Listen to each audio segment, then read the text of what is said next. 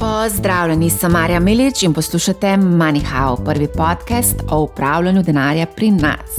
Pred današnjo epizodo dovolite, da vas spomnim, da je delavnica investiranja v delnice na voljo v MoneyHow oblaku. Čaka vas okoli 8 ur video gradiva in preko 200 strani vsebine. Spoznali boste, kaj je pomembno z vidika vlagatelja, ko govorimo o investiranju v delnice.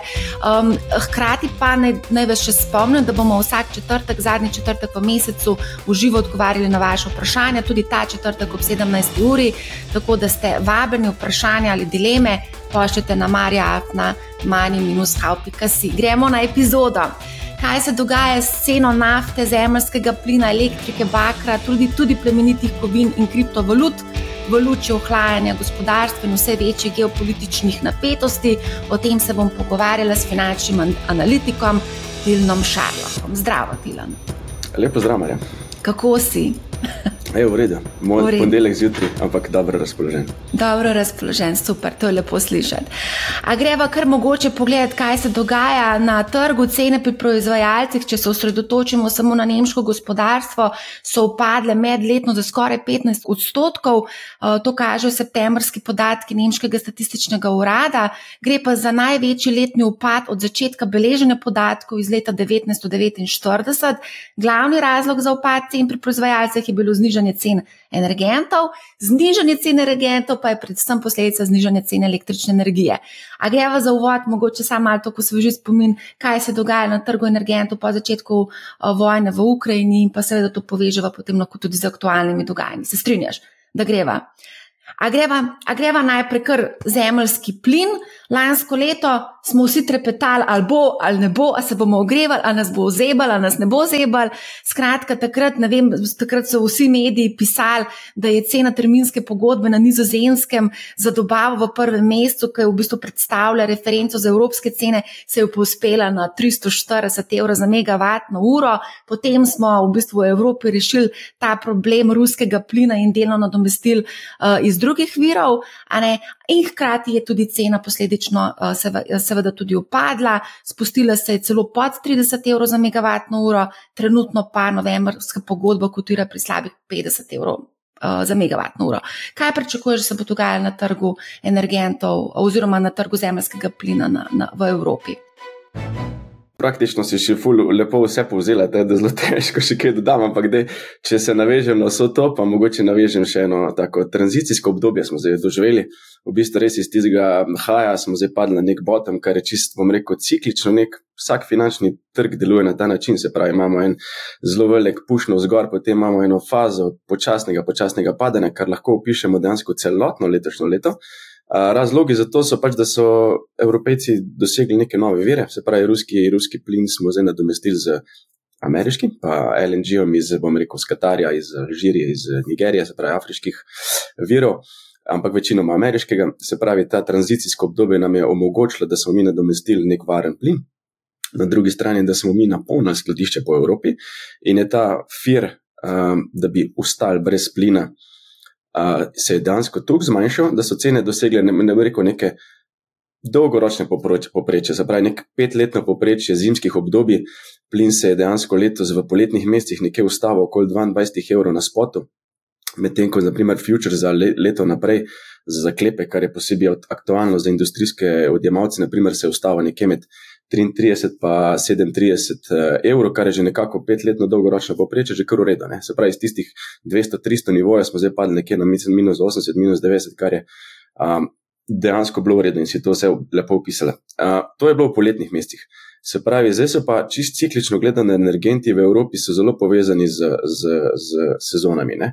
V poletju, ko je dejansko manj popraševanja, ko industrija predvsej jemlje zadeve, uh, je cena, cena nižja, v zimsko obdobje mi gremo dejansko navzdol, ker se večina plina v, v Evropi še vedno uporablja za, za hiting. In uh, cene avtomatsko zaradi popraševanja na spot marketu začnejo narasti navzgor. Poleg tega vsa zadeva okoli uh, vojnega konflikta eskalirala in imamo dejansko iz poletja do danes, naprimer, skoraj uh, podvojene cene na spot marketu. Medtem ko na futuresih so pa cene dejansko med 25 in 30 odstotkov više, kot so bile v poletnih mesecih.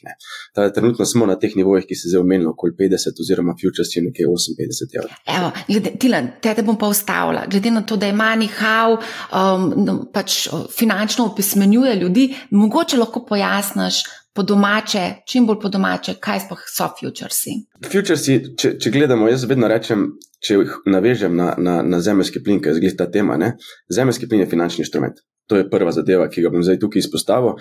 Uh, v preteklosti, pet let nazaj, bom rekel, še pa ne pet let, mogoče še malo več, sedem let, sedem, osem let nazaj, ne, se je plin na evropskih trgih, trgih, razlika z ameriškim trgom, ampak na evropskih trgih se je izključeval, bom rekel, iz, ne bom rekel izključno, ampak v zelo majhni meri kot finančni inštrument, ampak večinoma dejansko kot derivat za um, industrijo, za ogrevanje, se pravi kot komodit, kot typical commodity. Se pravi, ko ti kupiš finančni instrument, rečemo, da z deliverjem naslednji mesec, futures pomeni z deliverjem naslednji mesec, naslednji kvartal, naslednjo sezono, naslednjo leto, si ta delivery dejansko ti izvedel in si dejansko prevzel plin oziroma elektriko enako in uh, si ga pokoristil. Na plinskem trgu dejansko lahko trgujemo z um, mesečnimi produkti, s kvartalnimi produkti, sezonskimi produkti, z letnimi produkti. In to lahko delamo za 3 do 4 leta naprej. To kotira vse na borzah. Kar se je spremenilo in zakaj pravim, da je to finančni instrument, je, da se je v zadnjih letih z ustanovitvijo teh borz, posebej TTF-a, ki se je zelo eksplicitno uh, dal na, na stran finančnega, bom rekel, borze, uh, se je ta črn rejt, se pravi obrat naložbe, ki se dogaja na exchange-ih, toliko povečal, da ne moramo več govoriti, da gre vedno za commodity, za delivery, ampak gre dejansko za trgovanje. Če samo omenim, naprimer, da je še 5-6 let nazaj molekula plina, da je prišla do končnega odjemalca, se je pretrgovala med 3 do 5 krat, trenutno pa ta kazalec, bom rekel, v zadnjih dveh letih znaša med 20 in 35, odvisno od kvartala.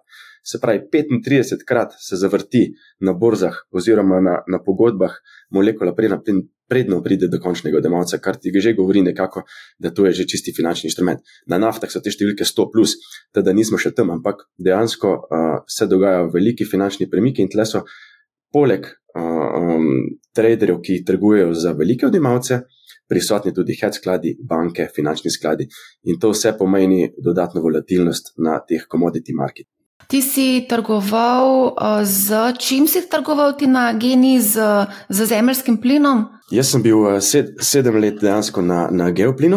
Na geoplinu. Dejansko ja, kot vodja trgovanja sedem let, se pravi, tudi imamo vse licence za trgovanje na borzah, vseh pomembnejših od TTF-a, ISA, Londona, kjer so dejansko samo finančni trading, uh, tudi mačarske borze, avstrijske borze. Um, vse to smo trgovali, to so najbolj pomembne borze dejansko za, za zemeljski plin uh, po Evropi. Um, a mogoče lahko zdaj povežemo tudi z aktualnimi visokimi temperaturami, kam, kakšen vpliv ima to mogoče na ceno? Ja, uh, zelo velik. Uh, naprimer, sam podatek povem, da je povprečna temperatura uh, v septembru v Evropi, v centralni Evropi, govorim, bila 19,3 stopinje, uh, desetletno poprečje uh, je bilo pa 15,4. To pomeni enormno razliko na porabi zemljskega plina. In kaj se je zgodilo, je to, ne? Um, Komoditi kot uh, zemeljski plin, večinoma se še vedno trguje na long-term pogodbah, kar pomeni, da imaš zelo dolgoročne, 3, 5, 7, mogoče celo 10-letne pogodbe za odjem zemeljskega plina. In to pomeni, da ti dejansko vse ta plin moraš v nekih trenutkih prevzeti. Ne moreš ga kar pustiti pri proizvajalcu, ampak ga moraš določeno količino prevzeti, odvisno koliko imaš fleksibilnosti pogodbe. In kaj se zgodi? Vsa ta plin ciklično vedno zahaja v skladišče. Skladišča se pa polnijo v Evropi od aprila naprimer, naprej do septembra oziroma začetka oktobra. Zdaj, to šestmesečno obdobje dejansko polnilne sezone se temu reče. In ta plin mora nekam iti iz teh dolgoročnih pogodb. In kaj se je zgodilo zdaj, ko je dejansko temperatura tukaj narasla? Pomeni, da se je tega plina precej manj vzel po dolgoročnih pogodbah in na spot marketu, in ta cena dejansko plina, skladišča plina, so šla enormno visoko. Verjetno ste brali članke, da so trenutno na 96-97% polna skladišča, kar pomeni trenutno, če v številkah to pretvorim, 1100 teravatnih ur imamo trenutno plina v skladiščih, kar je 20% nad desetletnim poprečjem. To so enormne številke. Naprimer, ne, in ta plin trenutno, če bi bilo normalne temperature, bi ta plin bil precej višji, kot je trenutno. Zato, da ta vreme, vreme nam trenutno gre na roke, toliko dejansko, ne, da je depres, da ni popraševanja, plin iz dolgoročnih pogodb se dejansko prodaja na marketu, namesto da bi se shranjeval, ker ni več kam shranjevati, ker so skladišča polna in dejansko na spot marketu pritiska ceno navzdol. Tako da to, kar se tiče za ceno za, za končne odmalce, je pozitiven vidik, seveda. Uh -huh. um, mogoče še ena zanimiva zadeva. Financial Times je poročal, da Evropa razmišlja o podaljšanju omejitve cene plina, ki so bile uvedene v začetku tega leta zaradi bojazni, da bi konflikt na Bližnjem vzhodu in morebitna sabotaža plinovoda zvišala cene po zimi. Kako, kako ti gledaš na, na vse skupaj? Zdaj, če gledam na same, same omejitve, je tako, na koncu bo eden mogel plačati ta plin. Uh, zdaj, ali ga, ali ga plačamo dejansko direktno, ali pa bom rekel indirektno, ne, je na koncu za odjemalca čist, uh, čist vse en. Plačati ga bomo mogli. Vsak konflikt ima učinek na, na, na ceno nečesa. V tem primeru, seveda, je to zelo velik faktor. Vojna je zelo blizu nas, Ukrajina, Rusija ni več toliko faktor, kot je zdaj dejansko bližnji vzhod. Uh, Ukrajina, Rusija, konflikt je v ceni, Eh, Evropa se je navadila na to, da smo dejansko preusmerili delivery pointe na druge vire. Čeprav je konflikt, se bom rekel, ukrajinski uh, plinovod še vedno uporablja, skladišča se še vedno uporabljajo, se pravi, ni da smo tam dejansko dosegli neko ničelno stopnjo deliverja, ampak nabavne poti so se spremenile. Nov konflikt v Izraelu je pa dejansko ena taka neznanka, ki trenutno analitiki posvečajo pozornost, je pa zelo težko oceniti, kako visoko bo cena pognala, če se bo čaj konflikt eskaliral. Uh, noben finančni trg pa ne mara preseneča na marketu in zato dejansko lahko pričakujemo, če bo slučajno eskaliral, zelo hitre premike. Podobne, bom rekel, kot smo jih doživeli, uh, bom rekel, konc uh, leta 2021, ko so bili ti skoki po 20-30% dejansko skoraj vsak dan. Uh, te skoki pa ponovadi ne trajajo dolgo. Uh, to so dejansko te premike, jaz ocenjujem za mogoče mesec, dva, mogoče tri. Uh, so pa z, z izjemno zahtevni, če se to dogaja v zimskih mesecih, zato ker takrat dejansko poraba um, se povečuje. In če bomo imeli mrzlo zimo, plus konflikti v, v, v bližnjem vzhodu, je lahko problem. Ne ocenjujem pa tega za dolgoročni problem. Se pravi, odsvetoval bi kakršnokoli hitre premike in nakupe v neki paniki, zato ker energetski trg deluje, bom rekel, zelo premišljeno, zelo počasi. V zadnji se dogajajo stvari zelo, zelo, zelo dolgo ti ne moreš nekih novih virov na energetskem trgu poiskati čez noč. In zato te poti, pa to, to je že vse dejansko zelo, zelo dolgo na marketu. In tu, če se bo zgodile neke spremembe, bo to najnadne spremembe.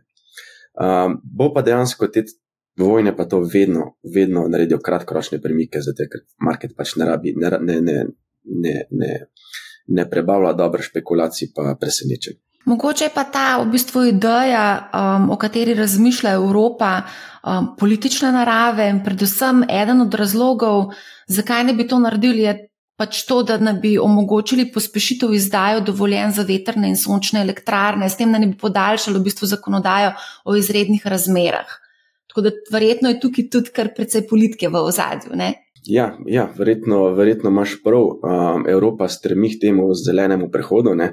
Mogoče res ni pripravljena na tak način, pa mogoče so ti cilji bili mogoče preveč ambiciozni, ker ta prehod, kot zgleda sedaj, je zelo težek. Uh, zelo težko bo na, nadomestiti uh, zemljski plin, predvsem zemljski plin v zelo kratkem obdobju. In mogoče bo ta prehod res bolj, bolj težek, kot so si na začetku predstavljali. Ja, mogoče ima politika, ki je v zadnjem. Mogoče, skoraj zagotovo imati. A, a greva mogoče zdaj pogledati še ceno elektrike, tukaj so se tudi dogajali neverjetni premiki, pa bom kar te prepustila, da boš ti povedal, kako brutalni so bili ti premiki. ja, eh, slika je bila dejansko, kot bi preslikal uh, um, zemljski plin, s tem, da pač na elektriki je zadeva še precej bolj, bolj, bolj volatilna, zato ker se prenaša veliko večji volumni, veliko več igralcev na marketu, veliko bolj razvite trg, veliko več je borz. In vse to um, za sabo potegne dejansko še večje te dejansko skoke. In mi smo tam na spot marketu videli tudi cene po, vem, po 500 tisoč, tisoč evrov. In, ampak to so, to so zadeve, ki sem jih prej omenil. Se pravi, te velike skoke, velike volatilnosti se lahko dogajajo na kratek rok, medtem ko na krivulji je bilo teh premikov manj. Ampak vseeno, cene elektrike so šle med 300, 400, 500 evrov in so se zaklepale dejansko po unih visokih cenah v zadnjem kvartalu 21 in 22, ne, kar je dejansko na koncu v tistem času, verjetno so odjemalci malo drugače razmišljali, kot bi se daj, ampak zadeva je dejansko se tukaj umirila, tukaj skonsolidirala, zdaj v zadnjem letu in ta cena elektrike je zelo, zelo počasi padala, ampak lahko to, ta prehod omenimo dejansko od januarja, nekje do zdaj, do septembra, smo imeli dejansko tako res lepo padajočo krivuljo. Medtem ko cena elektrike, naprimer na, na, naslednji, za dobavo naslednji mesec in za, za dobavo naslednjo leto, se je nekje ustalila nekje med 115, 120 do 130, 140 evrov. Se pravi, mi smo zdaj v enem takem pasu, ki ga trg očitno sprejema za normalnega. Še vedno je to cena, bom rekel, ki je bila tri leta nazaj nepredstavljiva, se pravi, mi smo imeli tri, štiri leta nazaj precej niže cene, ampak trenutno trg deluje ok, v, v pasu med 120 in 140 evrov. In ta cena smo dejansko zdaj mi tukaj neko zafiksirali, ta trg. Na eni strani industrija se je znašla v taki situaciji, da so se zmožni to plačevati, tudi na koncu strošek se je prelil na gospodinstva in tudi oni so zmožni to plačevati, očitno z nekimi subvencijami. Na drugi strani so tudi zadovoljni proizvajalci. Se pravi, mi imamo za nek uravnotežen market. Kar pa je pomembno tukaj, je pa to kot vsak finančni uh, inštrument, tudi surovinski trgi, po takem obdobju konsolidacije, posebej dolgega, ki se znajde v nekem, bom rekel, pasu zadovoljstva na eni in drugi strani, sledi premik navzgor ali navzdol. V tem primeru, seveda, je sledil premik navzgor. Zato, ker smo pač v nekem takem cikličnem obdobju, pred zimskimi meseci, ki se bo poraba po elektriki tudi povečala, še vedno elektrike se enormno porablja za, za hiting. Uh, Na drugi strani imamo precej konfliktov po svetu, ki lahko, bom rekel, na eni strani usiromašijo to ponudbo in se ta krivulja počasi premika navzgor. In mi smo zdaj prišli iz teh 125-130 evrov proti 150-145 evrov. Se pravi, tukaj so pa že nivoji, ko verjetno niso ok za vsakega. Zdaj, dokam bomo prišli, je zelo težko reči. Jaz sem, naprimer, zdaj v zimskih obdobjih vedno buliš na markete, na komoditi markete. Spravi, za mene je logično, da je v zimskih mesecih elektrika pa plin sta dražja kot poletnih in mi smo zdaj tle statistično gor pomikali proti marketu. Lahko da nam bo šlo na roko gospodarsko stanje, se pravi, ali bomo mi zdaj mi v Evropi imeli malo mal višjo, višjo rekel, upadec GDP-ja, kako kak, bo gospodarstvo delovalo. Omenila si Nemčijo dejansko, kako so padla uh, naročila. Vse to je nekako beriš faktor za, za komoditije. Na drugi strani dejansko imamo pa ciklično zimo, pa imamo uh, konflikte mm, po svetu. Tada, mi smo tle v nekem ravnotežju, ampak vsako tako ravnotežje se enkrat podere. In uh, osebno bi bil predvsem na safe sideu trenutno in se ne bi ne bi špekuliral za ceno elektrike za naslednjo leto. Se pravi, sem precej safe. Če je trg v celem letu letos ugotovil, da cena okoli 130 evrov odgovarja, ok, potem se moramo s tem sprijazniti. Ne pa špekulirati dejansko, da bo cena šla navzdol proti 50, kar mislim, da ne bomo videli. Tukaj je bila cena, ne vem, še 4 leta nazaj. Uh, večja verjetnost je, da bomo mi tukaj nad 100 evrov ostali, mogoče celo kaj više, glede na to, da se poraba vse en povečuje. Zdaj greva se dotakniti, kako se to dotika malega človeka oziroma gospodinstv. Položnica je sestavljena nekako iz dveh delov. Prva se nanaša na ceno energije, ta je ponovadi večji del predstavljen na položnici, drugi pa pač so te omrežnine in druge dajatve. Zdaj, če greva na ta del, ki ima povezavo s trgom. Tudi tukaj, konec koncev, velja neka regulacija. Zamejena cena je pri 118 evrih za megavatno uro v času više tarife, ter 82 evrov v času niže tarife. Vlada zdaj želi to kapico v bistvu spremeniti in sicer naj bi po novem letu zamejenih le še 90%, medtem ko naj bi 10 odstotkov bilo odvisno od cene. Kako, kako si to vse skupaj razlagaš ti? Jaz to gledam tako z dveh vidikov. Ne? Ko si omenila tržni vidik, ne? Na trgu, kot sem že na začetku omenil, lahko ti zamiš ceno za tri leta, štiri leta naprej, za kakšnimi dolgoročnimi pogodbami celo več. Ta krivulja še vedno je v nekem backwardationu, se pravi, da krivulja še vedno pada, ko gledamo mi 25, 26, 27 let. Ne? Se pravi, mi bi se lahko v neki večji meri odpravili vsem špekulacijam, pa bi zdaj zamejili ceno na te futures produkte za naprej. In na koncu tega ne bi prenašali naprej gospodinstvom. Ne? Prvi je, bom rekel, tak tržni moment, se pravi, kdaj zaklepati cene za gospodinstva. To je en odločujoč dejavnik, ne, ki, ki zahteva eno zelo veliko mero previdnosti, pa zelo veliko mero analitične sposobnosti. Spravi, ni čisto vse en, kdaj ti zapiraš ceno uh, inštrumenta za naprej. To je izjemno pomembno. Uh, drugo, dejansko uh, ta uh, drugi del, ki si ga omenila, se pravi za samo uredbo, ja, država lahko. Zameji dejansko ceno, pa dejansko subvencionira, ampak na koncu bomo vse mi plačali. Pač čez en drug del. Država tega sama ne bo mogla financirati, če bo cena šla navzgor. Logično se mi pa zdi, naprimer, ta korak zdaj, se pravi 90-10, zato ker ta 10% fleksibilnosti ti omogoča, da nekako participiraš na ceni, če bi slučajno ta cena začela drseti navzdol zaradi dejavnikov, ki smo jih prej našteli. Na koncu pa 10% niti ne pomeni tukaj, če bi cena res eskalirala naprej na 300, 400, 500 evrov, koliko se to dogaja. Ne? Ta določena fleksibilnost, ki je država zdaj prenesla naprej na končnega domalca, je, je v redu, ker vsega ne bo mogla sfinancirati. Ne? Na drugi strani pa določena fleksibilnost še vedno omogoča. Če sem jaz prav razumela, je v bistvu cilj s to uredbo oziroma s temi spremenjenimi pravili, želijo v bistvu, da bi ljudje manj porabljali energije oziroma elektrike. Ali se bo to res zgodilo? Ja, na, načeloma mislim, da, da razmišljaš pravilno. Tudi naprimer, ta sporočila, ki so se že dogajale od tistih visokih cen, so bila nekako na ta način. Dajte po, po, po, po, poskusiti trošiti ne v tistih pik urah, ali pa dejansko v, v reku uporabljate v nočnih, um, nočnih urah vse te vaše inštrumente, uh, pomalne stroje, ne vem, karkoli doma uporabljate. Se pravi, da malenkost, bom rekel, je to logično. Se pravi, mi se moramo zavedati, da zdaj mi nismo več v tistem izobilju, ki smo ga imeli zadnjih deset let, naprimer, ne, ko smo res priklapljali vse te elektronske naprave, glih kadarkoli smo, smo hoteli.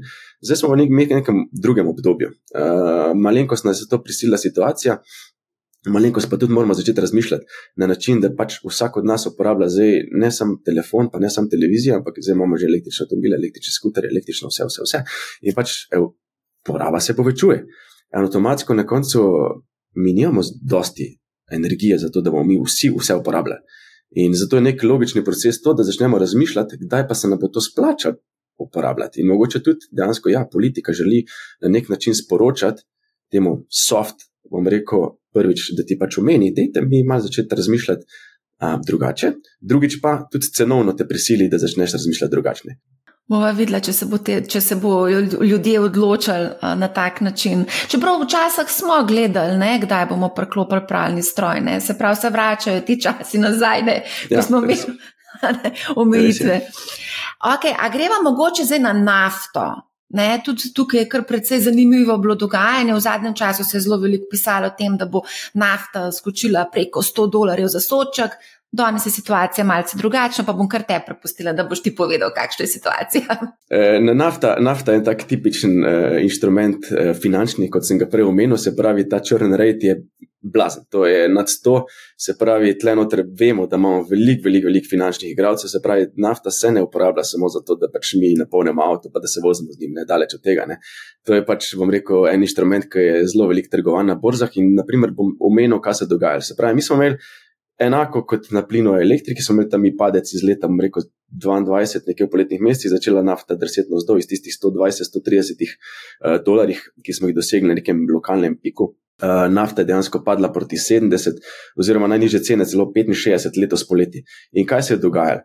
Uh, jaz predvsej gledam te številke, teh futures uh, pozicij, se pravi, kam se finančni skladi postavljajo na marketu. Ne? Se pravi, čisto splošno, ti tudi sama veš, naprimer, vedno je treba spremljati smart money. Kaj smart money dela?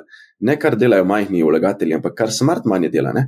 In smart money na, na, na, na, je začel postavljati, naprimer, dolge pozicije. Se pravi, kupovati dolgoročne produkte v poletnih mesecih. In če samo menim, da sem na ICE Futures eh, Europe, ki je pač največji, rekel, uh, največja borza v Londonu za trgovanje z nafto, uh, so finančni skladi, hedge skladi, postavili 650 milijonov sodov na dolge pozicije v prihodnih mesecih. Se pravi, oni so v poletnih mesecih pričakovali, da dejansko nafta bo šla na zgor. Uh, že sam za svojimi pozicijami lahko te, uh, bom rekel, ceno za določen odstotek premakne na zgor, seveda. Ne? Na drugi strani smo imeli pa tudi mi, uh, Rusijo, pa Saudsko Arabijo, se pravi, nek OPEC, plus, uh, kartel, ki je napovedoval skozi, da bo zniževal uh, produkcijo. Se pravi, ta milijon, milijon, bilo 2-2 milijona sodov na dan, kar se v šestih mesecih dejansko steče za 150-200 milijonov, koliko je manjka trenutno na trgu. Ne? Vse to so bili neki bullish faktori, ki so pognali. Nafto do 100 dolarjev, kar smo videli dejansko nekaj deset dni nazaj. Brent je dosegel nekaj 97, eh, nek lokalni top, VT je bil malenkost nižji, In to dejansko je en proces, ki je trajal zadnjih šest mesecev. Se pravi, ta krivulja se je začela pomikati navzgor. Ta dva faktora sta dejansko bila najmočnejša, po moji oceni. Trenutno smo mi nekaj, pod neko psihološko mejo 100 dolarjev, ki dejansko lahko premika trg ali na buliš ali na beriš. Jaz sem dejansko bolj na oni buliš strani, se pravi, jaz še vidim nafto nekje malenkost više. Ne bom rekel, da gre to na 150, mogoče v neki res ekstremni eskalaciji eh, vojnih razmer, ampak v trenutni situaciji, brez, bom rekel, eskalacije neke večje, kar je že vzračunanga v ceni, bom rekel, konflikta, bi lahko cena šla nekje proti 110, kjer imam jaz neke, rekel, neke interne soporte, pa med nekih 80, se pravi, med 80 in 110. To je tudi nekakšno, bom rekel, uh, tak sweet spot za market, kar se trenutno vidi. Se pravi, to je nek sweet spot, ki je na eni strani ustreza kartelu, na drugi strani tudi marketu.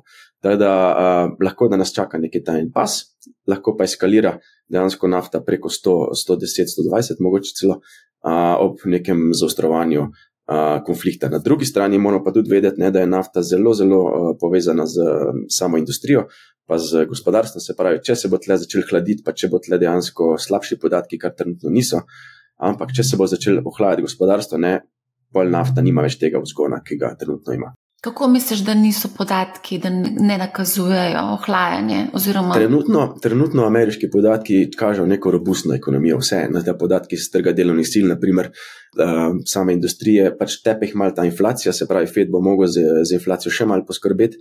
Uh, veliko lažje prideti iz inflacije z 8-9 odstotkov na 4, oziroma celo pod 4, kot je trenutno, kot pa iz 4 na ciljne neke 2%. Se pravi, tleh še čaka neko trdo delo, odvisno kako bo FED odigral politiko v naslednjih kvartalih. Ampak ameriško gospodarstvo trenutno ne kaže nekega znakega, res je na trhlih temeljih, ampak da bi bil pa precej pod ohladom, pa ni, ne. kar tudi sami delniški indeksi ponazarjajo. Se pravi, imeli smo nek sell-off ampak ta sell-off ni bil nek velik sell-off eh, v smislu, karkoli se po svetu dogaja. Jaz se vedno spomnim na, na to sliko, uh, emoji, ko je on. Uh, Pes v, v sobi, pa cela soba gori, ampak on pač se zabava. E, trenutno imamo mi tako stanje na trgu, ne, da pač ja, zelo veliko se dogaja, ampak finančni trg pa nekako kaže neko, tako da ni nič narobe. Um, ampak dejansko je lahko kar hitro nekaj narobe. Zdaj govoriš to o ameriškem trgu, ne? Tako, v Evropi je mogoče malce drugačna situacija. Ne? V Evropi stanje je precej, precej slabše, Evropska, evropska ekonomija je, ni tako dobro, bom rekel, preživela vso to leto pa pol, kar se tiče tudi na nemških podatkih, kot najbolj, bom rekel, pomembna ekonomija. Teda mi smo tle predvsej bolj na trhlih temeljih. Ne. Zdaj, čez par dni bo ECB zasedel 26. oktober, desetkrat so že dvignili ključne obrestne mere, mogoče si drzneš napovedati, kakšen bo naslednji korak. Zdaj, z analitiki so že povedali, kaj bo, ne, ampak dobro, da še ti povej, ne, kakšno je tvoje mnenje. Bomo, bo spet bo ECB dvigoval ključne obrestne mere? Jaz mislim, da bo tak, pač ECB, kot jaz spremljam finančne trge, zadnjih 15-20 let vedno sledi pač svoji sestri čez drug stran Atlantika. Um, tam je pač uh, Pavel že napovedal nekakšne korake, kakšni bojo, se pravi, oktober Amerika po pričakovanjih ne bo dvignila obrestnih mir, verjetno bo v nekem stand-by območju. Je pa res, da so oni, bom rekel, vse dva do tri korake pred Evropskim ECB-jem. Tako da, um, ja. Jaz mislim, da precej prostora na zgor več nimamo, zato ker ta pas se je začel precej hitro zategovati. Um, in so v nekem takem, rekel, umestnem obdobju. Uh, mal se čaka, če bo vojna eskalirala, se pravi, bo gospodarstvo padlo. Tle imamo mi en tak break-even, kako je več prostora na zgor nimamo. Ja, lahko pride do dviga spet na 0,25, mogoče 0,5, ampak na zgor, ki je več potencijala in več nimamo. Uh, zdaj, ali bo to zdaj dvignilo, ali bo počakalo še do leta 2024, ko se bodo podatki bolj skrtalizirali, To je zelo, zelo težko reči. Osebno pa mislim, da nas čaka eno leto še, bom rekel, nekih visokih obrestnih mer. Um, tudi Amerika je napovedala še mogoče dva dodatna dviga naslednjo leto, letos verjetno ne več. Uh, mislim, da bo Evropa temu sledila, potem pa se mi zdi, da 2025 bi se zadeva mogla začeti malo normalizirati, pa dejansko obrestne mere šle dol. Um, ker uh, na dolgi rok mislim, da v gospodarstvu, v ekonomiji, kakršnem smo, mi nismo zreli za take dolgoročno uh, visoke obrestne mere. Ja, mislim pa, da tudi na zadnje, ko sem gledala desetletna ameriška obveznica, mislim, da je že aj pet, aj preko pet. Ja. Je uh, dejansko je to, uh, to je en tak prvi pokazatelj. Dolgoročno vsi vemo, če so dolgoročne obveznice uh, na visokih nivojih, je to slabo za ekonomijo. Seveda, to se tudi ECB seveda zaveda. Uh, oni ne smejo spustiti, da bodo te dolgoročne obveznice 10, 30, 20 letne na 5%, ker to zastavlja ekonomijo. Uh, to ni nobenemu interesu. Je pa res, da ta smart money, ki sem ga prej pač tudi omenil na commodity marketu, obveznice kupuješ zadnjo leto že, že na polno. Te koraki v safe haven Safe Haven ne, uh, se je dogajal že celo leto. Se pravi, ta premik je bil nek, nek logičen premik na vzgor in ta, ta krivulja donosnosti obveznice je bila dejansko pričakovana. Um, zdaj, ko govoriš o safe havenu, mora biti še na zlato, logična posledica. Ja. Kaj bova rekla za zlato, kako se je obnesel v okolju povišene inflacije, kako bi ja, ti to ocenil? Uh, jaz bom rekel bolj. Um, to je en asset, ko sem bil najbolj buliš na njega v letošnjem letu. Res, uh, prav sem, kadarkoli sem se s kom pogovarjal, sem rekel, sam gled zlato. Um, mogoče res prvič, zdaj bom rekel tako, v zadnjih predvsej dolgem obdobju, prišel do izrasta safe haven. Ne? Se pravi, zdaj, ko se začel govoriti, ja, ma, kaj če tam eskalira, kaj mislim, ko je Amerika pripeljala letalne nosilke v, v, sredozemlje, hej, zlato je šlo gor. Pač prvič je dobil ta res občutek safe haven, ne, ne toliko proti inflaciji, ne toliko proti dolarju, ampak zdaj se dejansko prvič, da se v dolgem času, da tu članki vsi pišejo, ja, safe haven. Ok, kaj to točno pomeni? Pač, um, ko vsi aseti dejansko so nekje na, na vrhuncih, ne, pač iščeš nek aset, ne, ki ti pa dejansko mogoče bo ohranil vrednost.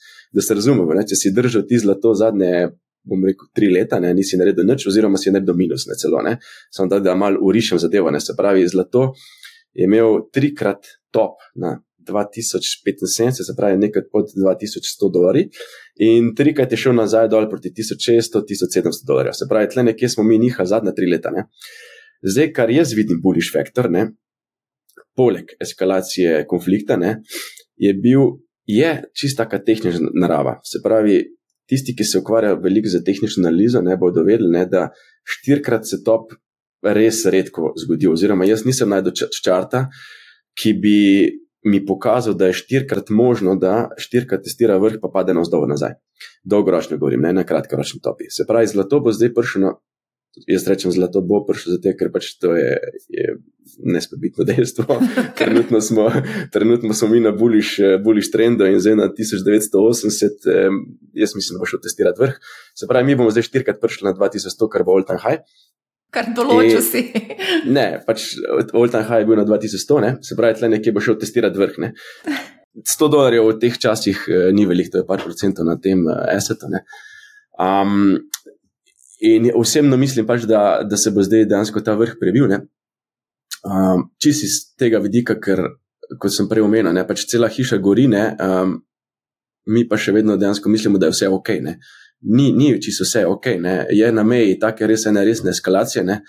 Um, kje vidim, mogoče beriš faktor je to, ne, da če se dejansko res usedejo za mizo uh, fanti iz Bližnjega vzhoda, ne, pa se pač dogovorijo za neko premirje, pa da te vojne dejansko res malce poležajo um, potem vidim, da dejansko bo šel gold nazaj na vzdolj. In da bo prišel do tega pasa spet okoli 1800-1750, tu nekje. Ne. Um, jaz nisem bil nikoli buliš na gold dolgoročno. Se pravi, da bi jaz to držal v portfelju, pa bi imel, ne vem, za pokojnino 10, 20, 30 let. Ne. Uh, še vedno se spomnim enega zapisa, enega zelo znanga ekonomista, ne, nekaj, kar izkoplješ iz, iz, iz zemlje, pa potem postaviš na plano, pa v zemlji ni bil nič vreden, na, na prostem je pa dejansko zdaj kar 2000 dolarjev vreden. Mal imam takih pomislekov, ne? se pravi, dolgoročno imam pomislek biti full dog investiran v zlato. Medtem ko pa um, iz vidika tradinga, pa bom rekel bolj iz vidika lovljenja ciklov, ker je zelo ciklično povezan z zlato, ne? je pa to en dober primerek, kaj je dato portfelj posebej v takšnih um, časih, kot smo zdaj. Uh, teda jaz gledam to predvsej, bom rekel, kratkoročno, pri meni pomeni enega do dveh let, naprimer. No. Um, teda to malo drugače gledam na to zadevo. Ko zdaj si večkrat omenil portfelj, kolikšen procent v portfelju kratkoročno imaš, recimo, ti zlato? Trenutno 10%, 10 čisto ok. Aha. Ko govoriš o trgovanju, kaj to pomeni, trgovanje z zlatom? Trgovanje z zlatom lahko trguješ na več načinov. Um, lahko bi kupoval futures, lahko, kar dela največ ljudi, je pač, da kupuješ ETF-e, backed 100% by gold. Sveda je to neka taka najbolj osnovna zadeva, ampak tudi dejansko najbolj stroškovna, učinkovita, pa tudi dosti dobro trekajo, bom rekel, ceno zlata. Se pravi, pač kupiš ETF, ki treka, uh, treka zlato uh, in je 100% backed uh, by gold. Se pravi, vsako vsak evro, ko ga daš noter, oziroma dolar, sklad kupi dejansko in ga da v trezor uh, svoje zlato. Imaš tudi um, bolj agresivne načine, uh, da kupuješ dejansko um, ETF-e, ki so dejansko na leverage, na gold, kar bi odsvetoval, se pravi. Um, Dvokratni, trikratni, štirikratni, bom rekel, zlati Ki se precej hitro pomikajo na zgor, kadar pač market gre gor, ampak enako, dejansko, ko, ko za njih trg na vzdolj, enako hitro zgubljaš. Uh, je pa tudi tretja opcija, se pravi, da se kupuje zlato preko gold minerjev, se pravi, pač uh, rudniki zlata, naprimer, se precej um, ciklično enako gibljajo, kot kar. Um, Uh, kot sama cena zlata, pri čemer pač imajo tisto malo večjo volatilnost zaradi samega poslovanja, ker pač vseeno vlagaš ti v podjetje, ne v, ne v, v, v, v surovino.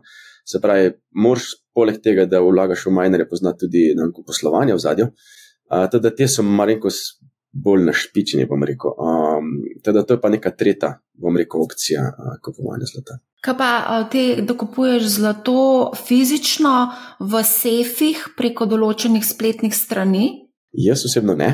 Uh, je pa to precej popularen, uh, popularen način kupovanja, uh, bom rekel, tudi v Sloveniji. Uh, precej. Je precej ponudnikov, ki lahko za relativno nizko ceno, mislim, da okoli 2%, je procent 1,8 do 2,5%, naprimer, kupiš ploščice, jih shraniš v trezorju. Uh, kar tukaj vidim, je predvsem davčna optimizacija, ker pač po uh, slovenski zakonodaji naložba fizičnega zlata dejansko ni obdavčena. Se pravi, pač ti lahko imaš to v trezorju, prodaš čez par let um, in od tega ne plačeš uh, davka, kot sem seznanjen. Medtem ko na finančnih trgih pač plačuješ davek kot uh, kapitalski dobiček. V bistvu ne govorimo slovenski, no? govorimo tuji, o tujih teh ponudnikih iz davčnega vidika, ne ravno ETF-ji, pač vseeno moraš pla, plačati davek na kapitalski dobiček, recimo preko teh ponudnikov pa v bistvu ne. ne ker kupuješ fizično zlato, ki je shranjeno v, sefih. Um, kaj sem hotel še vprašati? Večkrat si zdaj omenil smart money in sem prepričana, da marsikdo zdaj razmišlja v smislu, kako pa ti slediš smart moneyju. A imaš kakšno posebno urodje, kakšne spletne strani, a bi lahko mogoče svetoval, kako slediti smart moneyju? Bereš novice? Ja, um, naprimer, jaz res uh, v preteklosti, ko sem bil še upravljalec premoženja, tiste mojih prvih 8-9 let upravljanja premoženja, sem pač bil bolj aktiven na, na finančnih trgih, se pravi, samih delnicah. Tam smo spremljali predvsem premike v delniških knjigah, kako se predstavljajo, rekel, te veliki hedge skladi, vzajemni skladi, kako se predstavljajo, kaj prodajajo, kaj kupujejo. Ne? Teh spletnih strani je ogromno. Uh, zdaj, naprimer, ko si na starovinskih trgah, eh, trgih, je, imaš pač dve, dva taka vira. Ne? Se pravi, pač spremljaš uh, futures pozicije, se pravi, spremljaš terminske pogodbe uh, na surovine. Zbereš si eno surovino, naprimer, zdaj, če smo tik, bom rekel, prek Goldom, naprimer, ne pač gledaš, kako kupujejo dejansko uh, večji igravci te terminske pogodbe na nafti, plino, naprimer, uh, pogledam enako, terminske pogodbe, tiste, ki so najbolj trgovane, največje, naprimer, ne, ker pri terminskih pogodbah je tako, ne, ti rabiš predvsej, predvsej kapitala v zadnje, da lahko odpiraš pa zapiraš te pozicije. Ne. In če ti vidiš velike premike, um, ker pač nimaš delniških knjig ne, na terminskih trgih, ne, ja, lahko povežeš to, da so to dejansko uh, večji igravci smart money. Se pravi, tisto odpira, bom rekel, par sto, sto terminskih pogodb, pa celo tisoč terminskih pogodb naenkrat pač veš, da ne delajo to majhni igravci. Teda, naprimer, te zadeve spremljam prek, prek uh, terminskih pogodb. Ali pa ja, uh, veliko je tudi uh, dobrih člankov, analitikov na Bloombergu, tudi, naprimer, spremljam njih par res dobrih, uh, ki delajo to na mestu tebe. Se pravi, njihova naloga je, da čekirajo vsak dan uh, te pozicije in pač v teh pišejo piše članke. Uhum. Zdaj, ko meniš terminske pogodbe, pa se bo marsikateri mali vlagatelj vprašal, ali tudi jaz lahko kupim terminske pogodbe, recimo preko Interactive Brokers, Trade Republic tega ne omogoča. To bi bilo bolj vprašanje za, za Interactive Brokers. Mogoče lahko povem za, naprimer, za tipikal, ne vem, največja terminska sorovinska borza v Evropi, naprimer ne Ice London. Na Ice Londonu lahko odpreš račun. Uhum poimensko ga lahko odpreš kot fizična oseba. Ne? Zdaj, ali lahko odpreš futures ali pa zapreš futures, je pa odvisno od tvojega finančnega stanja. Zato, ker da ti odpreš fina, uh, futures ne, na, pač, na neko določeno surovino, pa si zdaj izmislimo, naprimer, elektrika ali pa plin ali pa. Ki je najmanjši, najmanjša nota 1 MWh, in si to zračunaš ti, in najmanjši futures mesečni futures, ne? in to pomnožiš krat, krat ure, ki jih imaš, ti kar hitro navrže, da moraš imeti kar eno veliko pozicijo, da ti to odpiraš, pa zapiraš. Ne? Se pravi, to ne moš ti delati za 5000 ali pa 10.000 evrov, ampak rabiš pozicijo 50 do 100 do 150 tisoč evrov. Teda uh, zadeve so rezervirane, bom rekel, za večje poučene vlagatelje, direktne na futuresih. Um, sigurno sem pa, da platforme, brokerske platforme. Uh, ponuja kakšne izvedene finančne instrumente na, na te terminske pogodbe. Uh, To bi se pa verjetno našlo, kakšni eh, brokerski. Ja. Bi se našlo, ja. Um, a greva se dotakniti mogoče še kriptosveta? Rekl si mi, da to precej spremljaš, pa mogoče glede na to, da je kar precej dinamično zdaj na kripto trgu, bi mogoče lahko povedal, kaj se dogaja in kam gremo. Kdaj bomo prišli? Mislim, da dve leti nazaj je bil Bitcoin, koliko je bil 64 tisoč dolarjev. Ja, maksimalno je bil skoraj 70, 69, 500. A je bilo oktober enkrat pred dvemi leti, uh, kako je bilo? Da malo ja, pogledaj, kaj imaš. Se dobro spomniš, pik je bil 9. november. No, vidiš, blizu bila, evo. Dobro, ja. Um, ja, um, predvsej spremljam zadevo, zato ker uh, sem mnenja, da je kripto postal nek asset class, ki ga pač vsak analitik nekako mora imeti nekje v nekem svojem kotičku in ga spremlja, zato ker je predvsej, predvsej povezan z finančnim trgom in uh, ga avtomatsko mora spremljati. Uh, zdaj, če se čist navedem, navežem, na kaj se je zgodilo dejansko dve leti nazaj. Predvsej je podobna slika, kot smo se mi pogovarjali na Sorovini. Se pravi, imeli smo en velik pik, tistega 21, uh, leta 21, novembra, oktober, ko, ko je Bitcoin tudi dosegel tistih skoraj 70 tisoč. Uh, na spotu, potem imamo neko konsolidacijo na zdol, predvsej velik padec. Uh, za mene pač ko sem identificiral dno, je bilo nekje okoli 16.300, 16.500. Se pravi, takrat sem imel nekaj reversal candle, zelo lep candle, zelo lep preboj na vzgor ta negativnega trenda, in potem smo imeli neko konsolidacijo, zdaj več kot 6-7 mesecev med 20-27 tisoč. Se pravi, ta obdobje konsolidacije, kot sem ga prej omenil, se vedno konča z nekim eh, trendom na vzgor, prebojem oziroma na vzdolj. Trenutno uh, gledam jaz na kriptotrg kot na nek asset, ki je dejansko bil pozabljen, ali pa če ga pogledamo v primerjavi z drugimi aseti, ki so precej na, na vzgor, se pravi, karkoli drugega pogledam, od delnic, od nepremičnin, od Golda do, do vseh ostalih zadev, ne, smo nekje mi blizu top ali pa bom rekel, v zadnjem letu predvsem naredili. Kripto je bil tle mal pozabljen, ja, zato ker je pač to res nek, še vedno nek zelo tvegan uh, finančni instrument. Uh, drugo, zato ker se v zadnje dogajala res ena velika regulacija, Uh, tretje pa zato, ker pač so ljudje videli donos neke druge, bolj varen, uh, kot pa tle. In tle se mi zdi, da je dejansko začela se zdaj de, de, zadeva mal dogajati, mal, mal bolj pozitivno, posebej zadnjih 14 dni. Se pravi, karkoli se je zgodilo, je lahko rečem, da pač pozitivna zelo velika stvar je, naprimer, da je prišel Bitcoin ETF, se pravi na spot marketu. Mi smo prej imeli Se ni prišel še, pogovarjajo se o tem. Prosti, prosti, preterjen je bil, je tako. Ali je bil potrjen? Ja, ja. Res? Bil je potrjen. Ali da... je bil to fake news? Res? Ja, sem, mislim, da sem ravno danes brala, da je bil fake news. Da še ni. Prav v glasu se je ta uh, izseka in je rekel, da še ni bilo potrjeno. Tam pa pogledate, kako je po enem prispevku. Da je pogled. No, ampak to bi bil dejansko. Govori pa se, da bo v, parih, v roku parih mesecev naj bi pač eh, bilo potrjeno. No, to, bi ja. bil, to bi bil super. No, mogoče so že pač te uh, vlagatelji na kripto, ki so precej bolj entuzijastični in so, napadejo ja. vsako tako novico, naprimer, ne, podprejo z nakupi in z entuzijazmom in zato pač ta trg tako hitro reagira. Ne. To bi bil en tak, bom rekel, pozitiven preboj, ne posebej zato, ker pač spota mi prej nismo imeli, imeli smo futurese in se trgovali dejansko s terminskimi pogodbami na, na, na Bitcoin. Ampak overall, no, jaz sem pač tak. Um, semi, semi bullish na ta market, uh, semi bullish zato, ker pač uh, ja, ponuja nek asset class, ki je trenutno zanimiv. Uh, ni, ni nič naredil v bistvu praktično letošnjem letu, razen teh premikov, ki smo jih videli danes od, od poletja daleč. daleč. Uh, večinoma altcoinov je precej, precej v globokem minusu. Ethereum, Bitcoin, naprimer, več kot 50%, ali prejšnjo Bitcoin je 50%, Ethereum celo še malo več od all-time high. Se pravi, tle imamo mi nek, bomo rekel, lahko triggerno zgor. Iz čist tehničnega vidika. Če nek asset full dog pada, ne, je pač večja verjetnost, da se odbije na zgorne. Druga, druga zadeva je, da regulacija bo precej naredila. Ta trg, uh, hočeš ali nočeš, bo postal vedno bolj reguliran, vedno težje bo priti v real economy, vedno težje bo iz real economy spraviti v kripto. Uh, manj bo exchangeov, uh, bolj bojo spremljene transakcije, uh, in to je zdaj neki kontra tistemu, kar so zakaj je bil kripto na trg, pa kaj so tisti prvi entuzijasti začeli vlagati na, na kripto trg. Ne? Ampak hočeš nočeš, to je pač realnost tega, kar se bo zgodilo. Uh, zdaj, kaj to cenovno pomeni, bomo pač videli, vsi, vsi skupaj to je težko oceniti. Ampak trenutno, ja, neke pozitivni premiki se dogajajo, uh, mogoče tudi zaradi tega cele eskalacije. No, zdaj, ki smo se sprašvali, ali so ali niso. Ja, v bistvu so na Bloombergu poročali o tem, da so številni mediji v bistvu napačno poročali, da je Ameriška komisija za vrednostne papirje odobrila prvi sklad. Ampak ja, tudi ta Gensler, ne, um, predsednik Seka, pravi, da se jim z odločitvami ne mudi. Vseeno pa je trg kar odreagiral.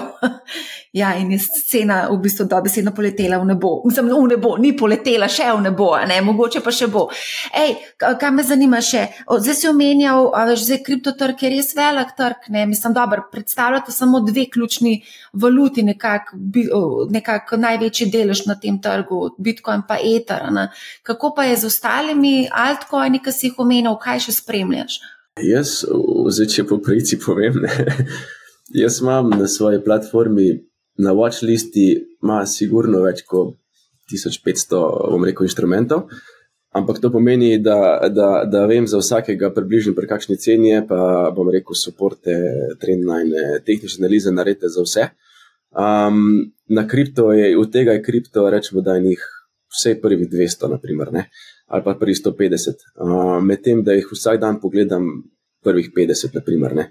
Um, jaz mislim, da se ta trg čisti, ne? se pravi, veliko je bilo enega brezveznih zadev, uh, ki res niso na začetku že imeli osnove, čiste pump and dump scheme, uh, ker je pač neregulirana zadeva bila.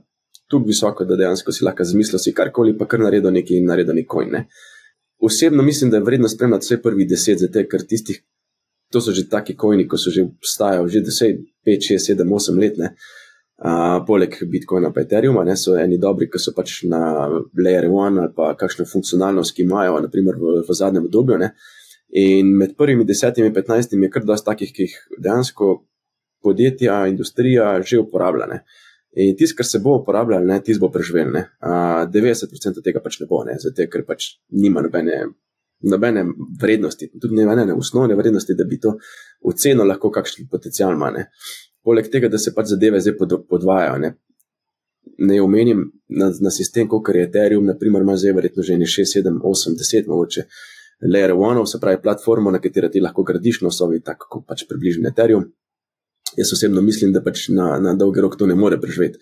Eh, podobna zadeva je pač na, na, na, na moralnem gospodarstvu med kot Google, Apple, platforme, naprimer, ne, zdaj, če pride ena, tretja, četrta, peta, ne, zelo težko bo dosegla delež, kot ga ima ta, dva velikana. Ne. Uh, enako se bo dogajalo tle, po mojem. Teda pač, ja, za velike ima smisel, da uh, jih tudi uh, realno gospodarstvo sprejema, medtem ko pač te male se pač, pač še vedno špekulativne naložbe, ki lahko da bojo uspele, lahko da ne bojo, ampak je tveganje previsoko. Da pa misliš, da bi lahko Bitcoin se pa uspel, recimo na 60. A to misliš, a imaš kakšno kalkulacijo narejeno, glede na to, da, rekel, da spremljaš, pa da analiziraš.